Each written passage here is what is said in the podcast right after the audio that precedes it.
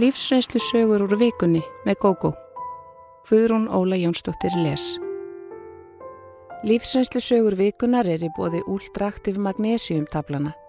Með úldraktiv magnésiumtöflunum færðu meira út úr deginum, aukna orku, minni vöðvaþreitu og betri sveppn. Úldraktiv magnésiumtöflunar fást í öllum helstu apotekum landsins. Slapp með skrekkin en samt sár. Ég varð fyrir óskemtilegri lífsreynslu aðeins 13 ára gömul. Þetta var í lók sjötta áratögar síðustu aldar og umræða um kynferðislegt ofbeldi var engin nema það sem kvísla var á milli kvenna í eldúskrókum. Að minnstakosti náði slíkt aldrei til mín á þessum tíma. Ég var þar að auki afskaplega saklus um allt sem tengdist nánu sambandi kynjana. Það má segja að ég hafi lifað í rósröðum heimi þar sem flestir voru bara nokkuð góðir. Fallegar dans- og söngvamyndir frá Hollywood sem við vinkonurnar sáum í kvikmyndahúsum voru helsta aftreyingarefnið á þeim tíma fyrir utan spennandi og skemmtilegar barna og úlingabókmyndir sem ég gleifti í mig. Ég var nýfermd og ein góð vinkona mín hafði haldið svo kallaða eftirfermingarveistlu, snemma kvölds. Ég var að koma þaðan, tók stræt og fráinni niður í miðborg Reykjavíkur og beð síðan í lækjargötunni eftir vagninum sem átti að flytja mig heimuleið. Það stóð hópur fólks á stoppistöðinni og beigð þegar maður eitt kom slangrandi eftir gangstéttin í áttina til okkar. Ég hugsaði eftir á, alltaf um hann sem kallinn, en sennilega hefur hann aðeins verið á milli þrítugs og færtugs og af honum var sterk vínlikt. Hann stemdi áttinað mér og þreyfundir handleikin á mér og tókaði mig af staði við göduna. Ég streytist á móti en húnum tókst að hálf draga mig með sér yfir að leigubílastöð BSR sem var á móti stoppustöðinni. Á þessum tíma var enn vinstri umferð þannig að vagnin sem ég ætlaði að taka stöðvaði sömu megin og skólahúsnaði MR og óksiðan í átt að sólegargötu. Engin af þeim sem byðu eftir strætó hreyfði leggeða lið til að hjálpa mér. Ég var afskaplega feiminn Mér var illa við að beina aðtikli fólks að mér og þorðir hreinlega ekki að rópa og byggja um hjálp. Ég fann það auðvitað að maðurinn vildi mér eitthvað illt en hafði hreinlega ekki uppurði í mér til annars en að streytast þögul á móti og hafði auðvitað enga krafta á móti druknum manninum. Hann dró mig að stöðinni eða skúrnum þar sem leigubilstjóratni sátu og kallaði inn að sér vantaði bíl. Eitt bílstjórin snaraðist út af bíl sem stóð rétt í skúrin, opnaði aftur dyr og kallin ítti mér inn. Bílstjórin síndi engin viðbröð sem bentu til að honum þætti þetta eitthvað óæðilegt og reyndi ekki á nokkurn hátt að hjálpa mér. Á þessu stíi var eins og dóðinn sem kom yfir mig við þessa skindilegu árás veki fyrir tilfinningunni um að nú er því að berjast ef ekki ætti að fara illa. Þegar bílstjórin spurði hvert ætti að fara, flýtti ég mér að segja heimilsfangi mitt. Kallin andmælti ekki og það var eins og bílstjórin lokaði algjörlega á það sem gekk á í eftirsætinu því að nú hófst baráta. Já, kannski ég ætti að segja upp á líf og dauða. Draukni maðurinn fór að reyna að káfa á mér en mér tókst að berjast um á hæl og nakka og til allrar hamingju tók bílferðin heimað húsinu mínu ekki mjög langan tíma. Mér hafði á leiðinni tekist að mjaka mér alveg að hurðinni og um leið og bílinn stoppaði fyrir utan heimili mitt var ég snöggað opna og stökka út. Við fjölskyldan byggum á annari hæði í þryggja hæða húsi og ég fór í loftköstum upp utanáleikjandi tröppurnar að útidýrunum, íti á dýrabjölluna en uppgötvaði um leið að dýrnar voru ólæstar. Frá útidýrunum lág síðan stíi upp á hæðina okkar. Ég fann á másandi andardrættinum að baki mér að náungin var rétt á eftir mér en um leið og ég komst inn fyrir dyrnar kallaði pappi nafni mitt frá stegapallinum fyrir ofan og spurði hvort þetta væri ég að koma heim. Kallinum hafði þá rétt tekist að grýpa í kápuna mína en um leið og hann heyrði rött pappa að ofan slefti hann takinu og let sig hverfa. Ég hljópi hendingskasti upp og kastaði mér í fangi á pappa mínum og var auðvitað í algjöru áfalli. Mamma mín kom líka strax fram á stegapall og ég útskýrði fyrir þeim hvað hefði gerst og pappir hingdi strax í laurugluna eftir að mamma hafði aðtugað út um glukkan hvort hún sæi leigubílin eða mannin. Báðir voru þeir hornir en pappi náði fljótt sambandi við lauruglustöðina og útskýrði málið. Honum var sagt að menn yrðu strax sendir á stúfana til að reyna að hafa upp á manninum. Nokkru síðar kom í ljós að hann hafði hreinlega guðað upp og enginn á BSR-legubilastöðinni kannaðist við nokkuð af því sem ég lísti. Ekki nokkur maður á þeirra vegum hafði kert þetta fólk. En þar með var málinu svo sannarlega ekki lokið. Þá tók við annað ferli sem hafði jafnvel enn meiri áhrif á mig. Ég var kölluð í yfirheistu nokkrum dögum síðar til rannsóknarlauruglunar að fríkirkjuvegi 11. Pappi fór með mér og var okkur vísaðinn til lauruglumanns. Hann spurði mig mjög ógeðfeldra spurninga, notaði klúrt orðalag eins og káfaði hann í klófin á þeir og fleira í þeim dúr. Ég var alveg í áfall yfir þessum spurningum sem ég upplifði eins og það væri ég sem væri sakamaður fyrir utan og að heyra þarna svart og hvítu hvaða var sem kallin hefði ætlað sér með mig. Pappi reyndi að hjálpa mér með sum svörin en þá saði lauruglumadurinn sísigslega við hann, þegi þú, ég er að spyrja stelpuna. Þetta var ennitt áfallið. Að heyra lauruglu þjón haga sér svona gagvart mínum elskaða og kurtisa föður, það var ömurleg upplifun fyrir unga stúlku sem þar að auki var fórnarlamp nýðings þó að mér hafi tekist að sleppa frá honum. Það var ekki fyrir en lungu síðar að ég fór að átta mig á því hvers vegna pappi beigði alltaf vakandi eftir mér þegar ég eignaðist nokkrum árum síðar kærasta og var stundum úti fram yfir miðnætti. Ást mín á pappa var alltaf mikil og ekki mingaði hún eftir þessa lífsreynslu. Hann bjargaði mér algjörlega þegar ég þarnaðist hans mest. Ég var þrátt fyrir allt heppin Ég varð ekki fyrir alvarlegu kynferðisofbeldi en samt hefur þessi atbyrður haft gríðarlega mikil áhrif í mínu lífi. Í fyrsta lagi það að vera svift saklisinu á svona grófan hátt. Næst var það enkennileg samstaða leigubilstjórana þar sem þeir vildu ekki viðurkenna að fjöldi þeirra var vitni að við þegar kallin drómið að leigubilum og auðvita vissu þeir allir hver hafði farið af stað með okkur í bíl sínum og síðast en ekki síst svo upplifun að vera sett á sakamannabekki á grófum og tillitslausum rannsóknarlauruglumanni. Ég talaði aldrei nokkuð tíma um þessa lífsreynslu, hvorki við fjölskyldunni í vini. Það var ekki fyrir ennum 50 árum síðar að ég sagði þessa sögu nokkrum vinnufélögum þar sem við sátum í umræðum um álíka mál. Ég áttaði mig best á því þá hversu mikil áhrif þessi lífsreynsla hafði haft á mig því að ég skalf öll af geðsræringu á meðan ég sagði frá. Ég let reyðina stjórna mér. Ég skipulagði líf mitt í þaula þegar ég var átjánóra. Þá var ég í sambandi með indislegum strák sem setna varð maðurinn minn. Við ákvaðum að ljúka námi, koma okkur upp einbílishúsi, góðum bíl og fallegu innbúi. Síðan ætluðum við að eignast börn. Frá fyrstu tíð unnu við mikið og það átti eftir að koma okkur í koll. Draumar okkar rættust einn af öðrum en um leið og einu marki var náð bættist annað við. Það var ekki nóg að eiga einbílishús, við þurftum líka sumarhús og bílarnir urðu tveir en ekki einn. Ég stopnaði eigið fyrirtæki og til að byrja með vann ég 12 til 14 tíma á dag. Við eignuðumst tvö börn og þau voru mikið í pössun þessi ár, bæði á leikskóla og hjá mömmu. Setna tók skólinn við og barnapýr en svo taldi ég þau nógu þroskuð og sjálfstæð til að standa á eigin fótum. Maðurinn minn vann einnig ábyrðar mikið starf sem gerði miklar kröfur til hans og kannski höfum við verið dæmigerðir Íslendingar sem líkt á bjartur í sumarhúsum þræluðu endalust fyrir einhverju sjálfstæði sem þó virtist alltaf jafn fjarlægur draumur. Við gerðum lítið af því að rækta sambandið við hvort annað og því hefði það kannski ekki átt að koma á óvart þegar maðurinn minn sagði mér eitt góðan veðurdag að hann hefði kynst annari konu og hegðist flytja burtu frá mér. En þótt ég hefði eftir vill átt að geta séð þetta fyrir, var það samt svo að ég var sem steini lostinn. Aldrei hefði mér dottið í hug að við myndum skilja. Hjónaband okkar var að mínum að þið traust. Við vorum ekki mikið saman, töluðum sjaldan saman og ef við fórum út var það helst til að drekka með einhverjum vinum. Ég var hins vegar svo upptekin af vinnunni og því að nostra við húsið að mér fannst ekkert vanda og dætt aldrei í hugað manninu mínum fyndist það. Áfallið var því mjög mikið þegar hann fór. Mér þótti sömuleiðis erfitt að selja húsið sem ég hafi lagt svo mikið í af sjálfri mér og fylltist mikill í reyði. Þótt undarlegt megi verðast beintist reyði mín og hatur ekki fyrst og fremst að fyrfirandi eiginmanni mínum heldur að konunni sem hann bjóð með. Ég kendi henni um hvernig farið hafði og ákvað með sjálfur mér að hún hefði eldan miskunarlöst og tælt til fylgilags við sig. Ég kallaði hana öllum yllum nöfnum og talaði stöðugt um hversu illa þau tvö hefðu farið með mig.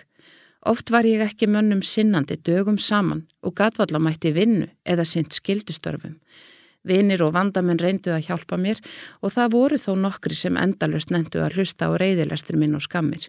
Mamma satt yðurlega hjá mér heilu og hálfu dagana og talaði við mig. Hún reyndi eftir bestu getu að leiða mér fyrir sjónir að ég væri sjálfri mér verst en enginn er eins blindur og sá sem vill ekki sjá. Börnin mín fóru auðvitað ekki varhluta af því sem var að gerast á heimilinu. Þau hafðu þurft að sjá að bak pappa sínum og voru sorgmætt og leið en ég hafði engan tíma til að sinna þeim. Öll mín orka fór ég að halda sjálfur mér gangandi. Fljótlega lærðu þau þó að það að skammast út í föður sinn og tala illa um hann dögði til að ná aðtegli minni og þá gæti ég átt til að taka þau í fangið, kissa þau og kjassa og óskapast yfir aumingunum sem óþokkin hafði yfirgefið. Maðurinn minn fyrfirandi hafði hins vegar alls ekki hugsað sér að yfirgefa börnin sín, þvert á móti. Hann og nýja konan voru ákaflega upptekinn af því sem ég kallaði með fyrirlitningu nýjaldarkæftæði og hann hafði hugsað sér að breyta lífstil sínum talsvert. Hann gerði margar tilraunir til að nálgast börnin og vildi fá þau í heimsóknir bæði í lengri og skemmri tíma. Ég sá fljótt að þetta var honum kapsmál og gerði honum eins erfitt fyrir og hægt var. Þá var ég alls ekki fullkomlega meðvituð um hvað ég var að gera. Mér fannst ég alltaf hafa ástæðu fyrir gerðu mínum. Börnin áttu ekki að þurfa að umgangast konuna sem eðilagt hafði líf þeirra og ég bannaði að þau hitt hana. Krakkarnir hafðu þar að auki, heyrt svo margt ljóttum þessar konu frá mér að þau vildu alls ekki sjá hana.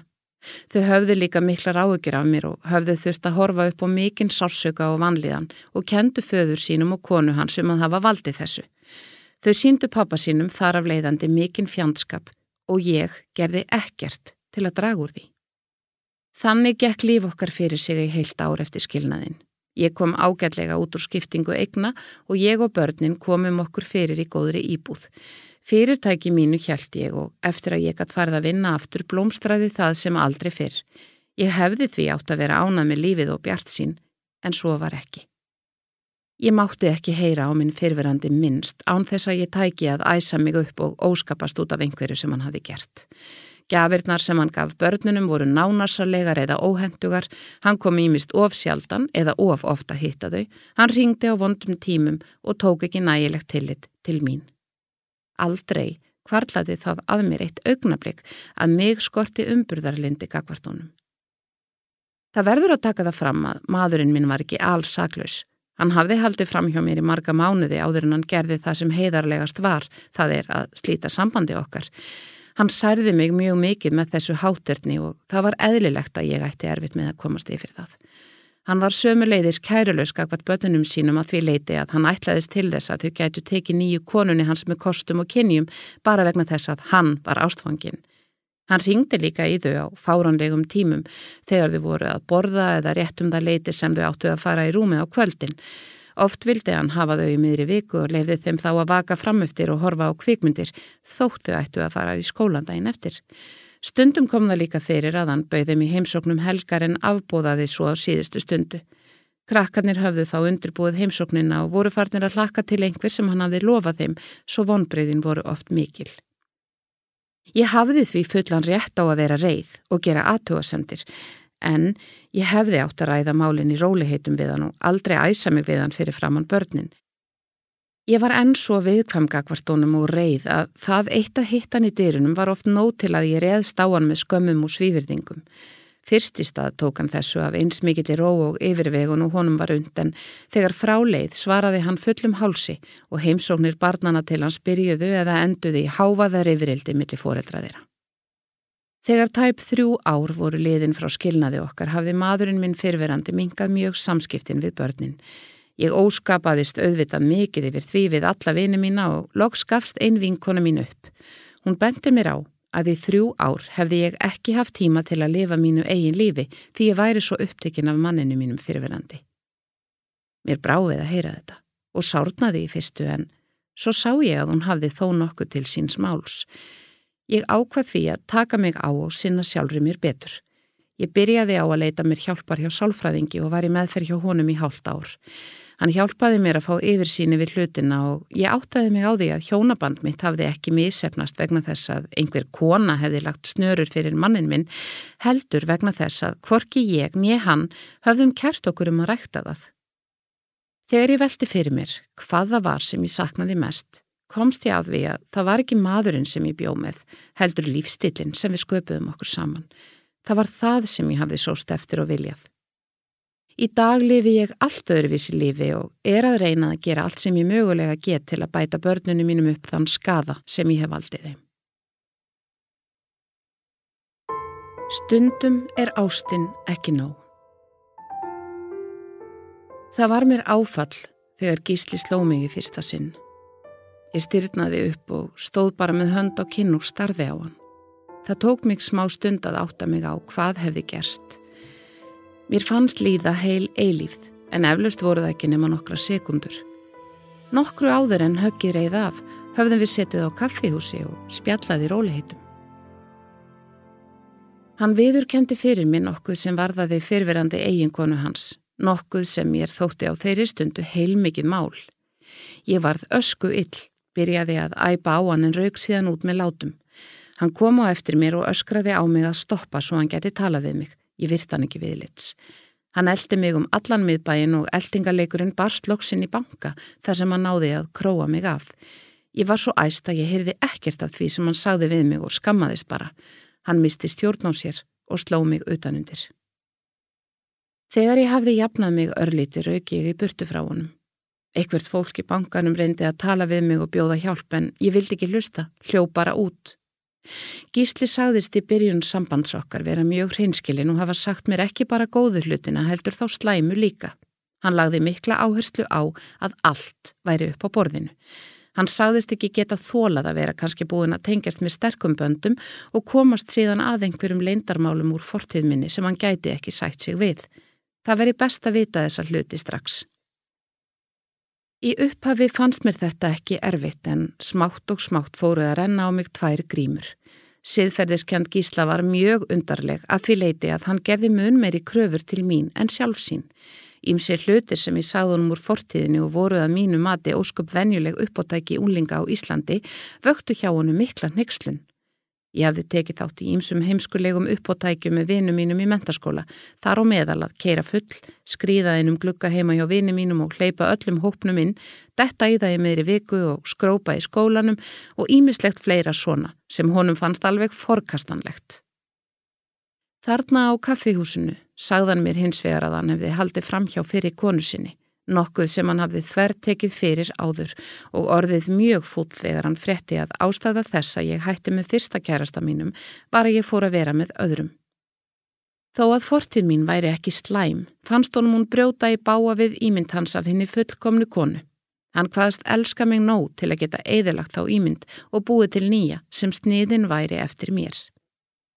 Við giftum okkur fljótlega eftir að við kynntumst og vorum hamingisamari en við hefðum getað ímyndað okkur en smátt og smátt fór myndin að móluna. Gísli fekk hvert áfallið á fætur öðru. Fyrir um kona hans lögsótti hann vegna þess að hann hafði ekki gefið upp allar eigur sínar við skilnaðinn og fekk hann dæmdan til að borga sér helmingi íbúð sem hann erði eftir pappasinn. Honum gekk illa í vinnunni og ágrinningur kom upp milli hans og yfirmannsins sem var til þess að hann fekk ekki stöðu hækkun. Hann varð raunverulega veikur líkamlega á þessum tíma og var mjög óhamingusamur. Hann varð sífælt reyðari og beiskari. Auðvitað var hann miður sín eftir fyrsta kynhestin og baðst fyrirgefningar aftur og aftur. Ég flúði úr bankanum heim til vinkonu minnar og hann fann mig þar. Hann sagðist aldrei hafa lagt hendur á konu áður. Ég hafði enga ástæðu til að reyngja hann og við ákvaðum að fara heim og reyna að bæta samband okkar. Margir mánuðir liðu án þess að nokkuð sérstakt bæri til tíðinda. Við rifum staðvísu oft en engin átökurðu.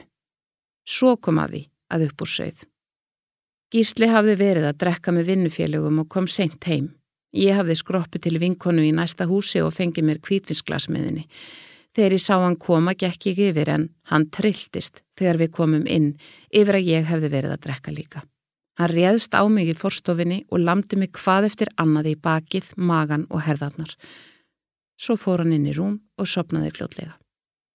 Ég bjó um mig í stofunni og lá nötrandi á sófanum alla nóttina. Næsta dag forðaði skísli mig að mestu en fór svo út og kom tilbaka með fallegan blómvönd og baðist fyrirgefningar. Næst leið ekki jafnlangt á milli árása. Í það sinn var það mun alvarlegra. Hann reynlega lamdi mig í klessu og ég gerði ekkert til að koma því af stað. Hann sló mig í andlitið margóft, dró mig á hárinu og sparkaði í mig í tvær klukkustundir samfleitt. Hann var drukkinn þetta kvöld og sopnaði á endanum. Ég svaf ekki mikið og vaknaði öll lemstruð þótt ekki sæjist mikið á mér. Hann var niður brotin og marg baðst fyrirgefningar á hegðun sinni þegar hann vaknaði um morgunin. Ég fyrirgaf honum og hjælti í alvöru að hann myndi ekki gera þetta aftur, að hann væri sterkur og myndi hafa stjórn á sér. Ég hafði upplifað ofbeldissambönd gegnum tvær vinkonur mínar sem báða reyndum marg ofta að flýja mennina sína en þeir fengu þær alltaf til að koma heim aftur. Ég taldi mig því hafa óbeina reynslu af heimilisofbeldi og ég ætlaði ekki að lefa neinum að berja mig eins og harfisk.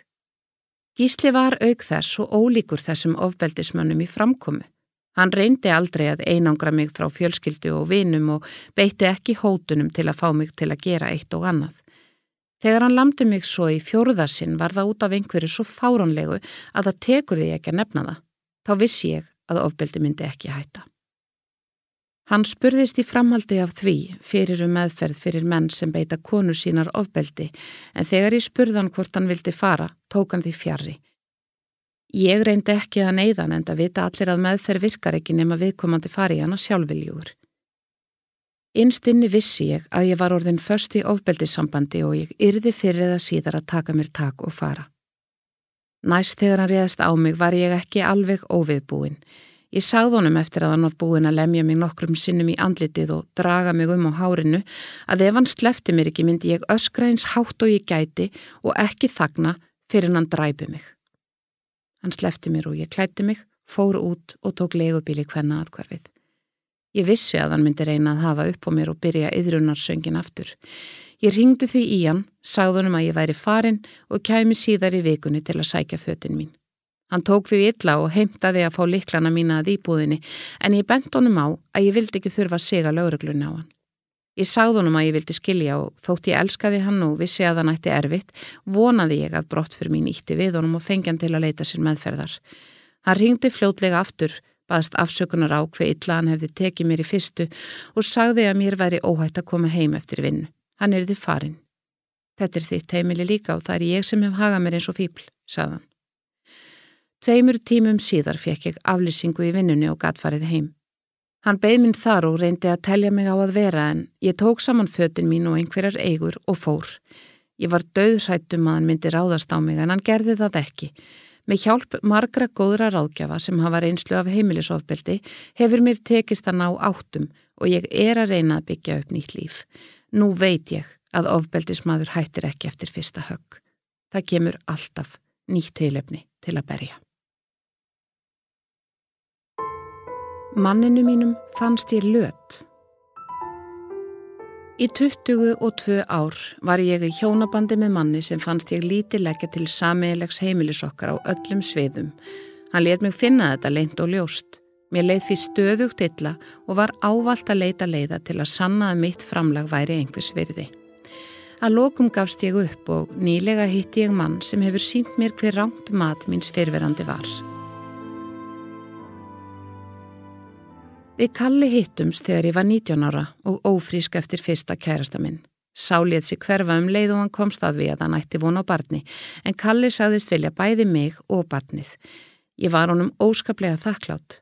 Fóreldrar mínir eru gott fólk en höfðu alla tíður litlu að spila svo ég vissi að ég yrði að standa á eigin fótum.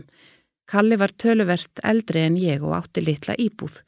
Ég fluttið ánga mig fljótlega og reyndi að taka eins marga kursa í skólanum og ég mögulega gatt til að klára stútinsprófið um vorið. Ég hafði líka unnið við að skúra skrifstofuhúsnæði og hjælt við áfram.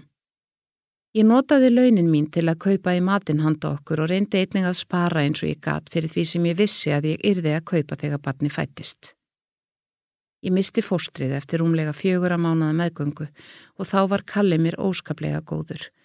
Hann satt með mér þegar ég gæti ekki sofið og huggaði mig þegar ég fikk gráðköst upp úr þurru.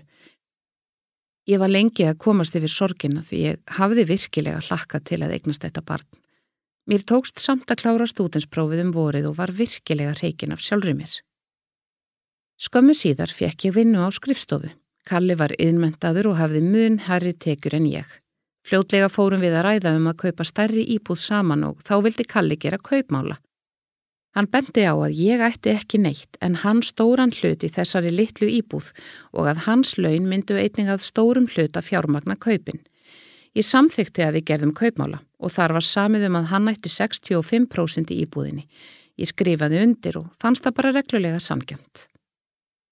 Eftir að við fluttum fann ég oft fyrir því að Kalla fannst ég ekki gera nóg inni á heimilinu. Ég var byrjuð aftur í skóla og ætlaði að ná mér í framhaldsmyndun en vann áfram á mínum gamla vinnustad með náminu.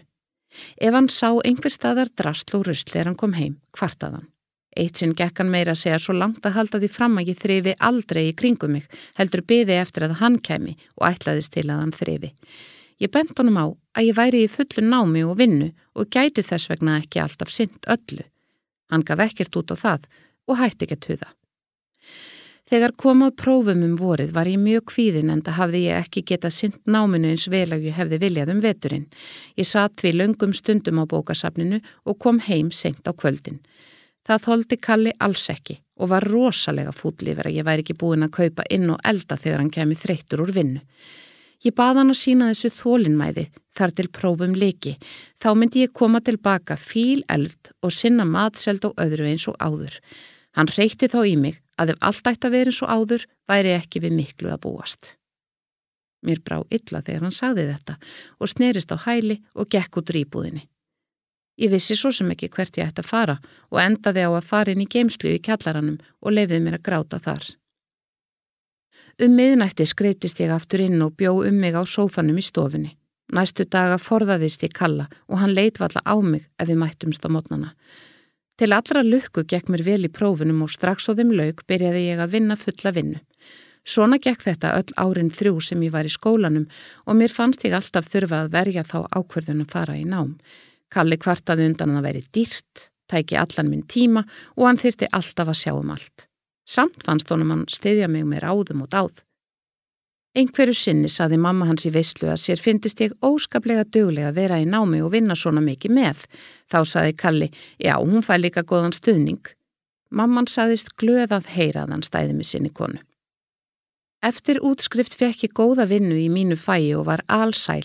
Nú hafði ég betri laun en áður og þótt Kalli væri vissulega með herri tekjur gati lagt meira til heimilisins. Það var þó ekki til að draga úr aðtúasemdum Kalla. Í hvert sinn sem ég kefti einhvert hlut til heimilisins spurðan hvaðan peningarnir kæmu. Þegar ég svaraði að ég hefði lagt fyrir af launinu mínum spurðan hvort ekki hefði verið skinsamlegra að verja sparnaðinum í eitthvað annað en þessa vittlisu. Í hvert sinn sem ég kefti mér flík eða fylgilhut kostaði það rifirildi. Honum fannst allt dýrst og marg spurði hvort ég væri með herri laun en ég segð honum, fyrst ég gæti alltaf verið að eigða í vittlisu. Eitt sinn tilkynntan mér upp úr þurru að honum finnist ég líta svo á að ég ætti mín laun og gæti gert við þau þar sem ég vildi, en öll hans laun færu í rekstur heimilisins og hann ætti aldrei neitt eftir. Ég bent honum á að hann stundaði lagsveiði, golf og líkamsrækt og í þessi áhugamál færu peningar. Hann taldi þær upphæðir smávægilegar með að við allt sem ég eitti í tóman hegoma. Svona liðu árin og við kalli eignuðumst tvær dætur. Ég sá æfinlega um að kaupa föt á þær, borga fyrir tómstundir og sjá til þess að þær mættu mig gafir í afmælisveislur. Við keftum okkur raðhús og fluttum þangað og um tíma gekk allt vel. Ég var farin að venjast höði og nutti kalla yfir letiminni við hústörfin og eðslusemi og letað oft eins og vindum eiru þjóta. Svo kom hrunið og Kalli misti vinnuna, en ég ekki. Um tíma lifðum við af mínum launum og atvinnuleysisbótum hans og ég vonaði að það myndi breyta viðhorfum hans til mín og hann myndi meta meira þar sem ég lagði til. Kvöld nokkurt kom ég seint heim, hafði unnið yfirvinnu og var mjög þreytt. Kalli lág í sófanum og horfi á sjónvarpið og ég spurði hvort eitthvað væri eftir af kvöldmatnum. Hann leit upp og saðist ekki hafa eldað, stelpunar væri ekki heima og hann hefði bara týnt eitthvað til úr ískapnum. Ég saðist þá ætla að gera það sama.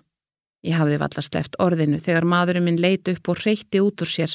Ætluðu sért ekki búin að geta fyrir fleiri þúsundir í dag, alltaf út að borði hátdeinu.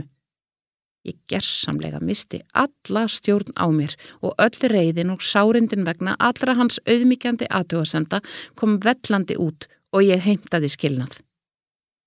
Ég stóð við þá ákverðun þótt hún hafi verið tekinni reyði og við tók laung og leiðinleg baróta. Kalli dró fram gamla kaupmálan og ætlaði að halda fram að hann ætti 65% í húsinu okkar. Ég gaf ekkert eftir og að lokum var úrskurðaði í því máli mér í vil. Dómarinn tók meira að segja fram að vinnuframlag mitt til heimilisins hefði verið mun meira en kalla þótt hann hefði herri tekjur. Ég fór því út úr hjónabandinu með helmingaskipti á eignum. Nokkrum árum setna kynntist ég svo Guðjóni, indislegu manni sem ber mikla virðingu fyrir mér. Hann metur allt sem ég geri en hefur einning skilning á að ég geti verið þreytt og illa fyrir kölluð. Þá tekur hann meira á sig og segir hlæjandi að ég geri það sama þegar hann þurfi á að halda. Kalli hefur hins vegar aldrei geta skilið hvers vegna ég vildi skilja.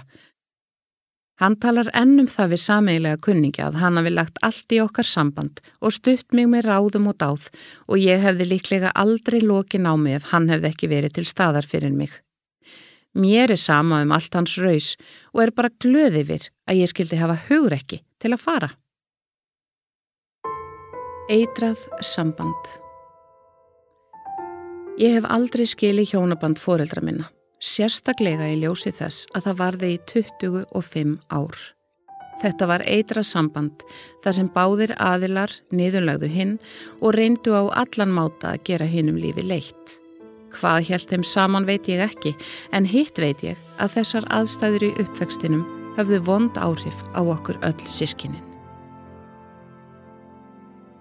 Mamma tilkynnti öllum sem heyra vildu að þau pappi hefðu ekki gifst af ást, heldur vegna þess að hún varð ólétt af eldstu sístur minni. Pappi var vanur að taka undir og segja að hann hefði haft vita á að forða sér ef hann hefði ekki fundið til ábyrðar á barninu. Rifrildi þeirra hófst venjulega um leið og þau opnuðu augun á mótnana og stóð allar samverustundir þeirra þar til þau sopnuðu á kvöldin. Mamma þóldi ekki venjur pappa. Við sískinni vöknuðum við það að hún öskraði á hann fyrir að pissa á klósetsetuna eða einhverjum drópum útfyrir. Hún var líka brjáluð yfir hvernig hann gekk um styrtuna. Sápan var ekki skóluð burtu, sjampóbrúsin skilin eftir opin, glerið ekki þrifið og ekki reynsað úr neyðurfallinu. Ekkert af þessu var rætt eða komið til skila venjulegum rattstyrk. Allt var öskrað. Stundum fannst mér að pappi gerði í því að æsa hana upp að hans gagn árás væri að leika sér að því að ganga verrum en hann þurfti og skilja viljandi allt eftir í óreiðu. Við sískinnin vorum auðvitað vön þessum samskipta aðferðum ef hægt er að flokka þetta undir samskiptið því hvorugar aðirinn hlustað á hinn og báðir öskruðu fremur en að tala. Við vorum hins vegar ekki gömul þegar við skildum hver óeðlilegt þetta var og vegna þess að foreldrar okkar gáttu aldrei stilt sig um að rýfast hættum við að koma með vini heim þegar bæði voru á staðnum. Ég sótti reyndar alltaf mest í að vera heima hjá bestu vinkonu minni. Þar ríkti allt annað andrumstoft. Foreldrar hennar voru samhend og báru augljóslega mikla virðingu hvort fyrir öðru. Ég man hvað ég var hissa þegar ég var vittni að í dag nokkurna pappinar kom heim með óvænta gjöfhanda mömmunar. Ég spurði hvort hún ætti afmæli en svo var ekki. Pappina langaði bara sína hver mikils hann mæti konu sína. Ekki að ég væri vönn því að pappi hefði mikið við á afmæli mömmu, hann færði henni aldrei neitt. Mamma hafði alltaf mikið við á afmælum okkar barnana, fór á fætur eldsnemma og bakaði amerískar pönnukökur upp og halds morgunverð okkar allra. Svo tók hún til góðgæti á bakka og færði þeim sem átti afmæli og pakkin var venjulega fallega um búin á honum. Ef gjöfin var stærri en svo að hann gæti rúmast þar, var bundið fyrir augu okkar og við leitaðinni. Þannig var það þegar ég fekk hjólinn mitt, dúkkuhúsið og skrippborðið. Hún færði pappa alltaf morgunmat í rúmið á afmælistægin hans en hún hafði ekki laga á að velja gafir handunum. Sennilega þekkt hún pappa bara ekki nóg. Hann var mikill veiðimaður og fótboltafrík en mamma færði honum oft heimilistæki eða smíðatól líklega vegna þess að hún hafði áhuga á slíku, en það var hann vanur að rétt henni gjöfina og segja, fínt, þú getur notað þetta. Hann hafði hins vegar aldrei fyrir því að gera neitt fyrir hana. Ég veit að mamma var oft sár og ég man eftir einum afmælistegi þegar hún gretin í rúmi. Hún reyndi að leina því fyrir okkur en ég viss af því og sýsti mig líka. Mjög erfitt ástand hafði verið á heimilinu í nokkur tíma áður en dagurinn hennar rann upp og ég held að hún hafi vonast til að pappi gerði eitt hvað til að reyna bæta hlutina en svo var ekki. Svona liðu árin og við sískininn fluttum að heimannis fljótt á við gátum. Ég var 17 ára þegar ég fór að leia með vinkonu minni sem einning bjófið erfiðar heimilisaðstæður. Ég var þó það heppin að engin óregla var á mínu heimili en stöðug tókstreita, leiðindi og óanæja. Mamma var katt þrifin og þóldi illa óhrinnindi. Pappi var kærulegs og hyrðulegs um flest annað en sjálfan sig. Hann var æfinlega mjög hreitn og strókin og passaði vel upp á fötinn sín en gekk um heimilið eins og það væri úti hús. Pappi talaði alltaf niður til mömmu. Það var augljóst að honum fannst ekki mikið til hennar eða fjölskyldanar koma. Hann kallaði bræður hennar smurolíu pjakka vegna þess að þeir unnu við vela og bílaviðgerðir. Mamma var mjög listræn og saumaði, málaði og föndraði alls konar fallega munni. Að hans mati var það algjör tímasóun og ekki mikið variði neitt af því sem hún gerði. Egin kona bróður hans var hins vega listmálari og fyrir henni bara hann ómælda virðingu og allt sem hún gerði lofaði hann í hástert. Þegar við vorum yngri og litlir peningar til á heimilinu bjó mamma til allar jólagjafir. Pappi kallaði þær drastl og kvartaði yfir að miklir peningar færu í efniskaup. Mamma bent honum á að mun dýrar að væri að kaupa gjafir og þá sljákaði hann í síjónum. Þegar pakkarnir voru opnaðir komi ljós að mákona pappa hafi gert það sama og mamma, búið allt til og nú átti pappi ekki orði við hvað flotta væri. Okkur fann stótið hennar mömmu þó mun flottara og skemmtilegra. Ég veit að þetta særði mömmu mikið, en hún var ekki skárikavart pappa. Amma mín hafði ekki tekið sambandi þeirra vel þegar það byrjaði og mamma talaði alltaf mjög illa um hana. Hún sagði öllum að tengdamóðu sín hefði tekið illa á móti sér og frá fyrstu tíð gert lítið úr sér. Föðurfólk mitt var upp til hópa langskóla gengið en hefða var fyrir yðnámi í mömmufjölskyldu en það þar mjög margir dverghægir einstaklingar. Móðurafi minn var bifélavirki og tveir sinir hans fetiðu í þau fótspor. Sistri mömmu var hárgreislukona og klæðskera mentuð í ofanálag en mamma var húsmaðraskóla gengin og hafði auk þess lært tækniteiknun. Það fag varð fljótt úrelt og mamma fór þá að vinna hjá innrettingabúð. Þar komu hæfileikar hennar að góðum nótum og yðurlega teiknaði hún upp fyrir fólk innrettingar og hjálpaði því að hanna rýmin í íbúðsynni. Mömmu og föðurafa mínum kom mjög vel saman og þegar hann dósnöglega þegar ég var 19 ára var eins og eitthvað brotnaði í fjölskyldinni. Hann hafði alltaf verið bandamaður mömmu og staði með henni í mörgum deilum. Ég veit að sískinum pappa fannst hún leiðinlega grippa og töldu pappa of góðan fyrir hana. Að mínumati var það allránt. Pappi hafði vissulega sína kosti en mamma var ekki síðri en hann og bæði gerðu sitt til að skapa og viðhalda darraðardansinum og heimilinu. Auðvitað dróst öll stór fjölskyldan begja megin smátt og smátt inn í þetta og stundum láfi slagsmálu millir pappa og bræðra mömmu og yðurlega talaði mamma ekki við helmingina fjölskyldu pappa. Samband mömmu og pappa endist í þrjú ár eftir að Afi dó. Þá komst mamma að því að hann hafði haldið við aðra konu árum saman og rakan og dyr. Síðan þá hefur hún unnið mikið í sínum málum og er á góðum stað í dag. Pappi býr með viðhaldinu og er hafmyggusamur. Við sískinnin tölum oft um að við lærðum aldrei almennileg samskipti. Það hefur tekið okkur mörg árað átt okkur á að ef þú vilt að aðri hlusti, öskrar þú ekki. Ef þú vilt eiga í gefandi samskiptum, gefur þú af þér og gefur eftir í stað þessa niðurlæja. Ég lærði þetta áður en illa fór hjá mér en eldri sýstir mín segir að hefði hún átta sig fyrr, væri hún enni hjónabandi með fyrir manni sínum.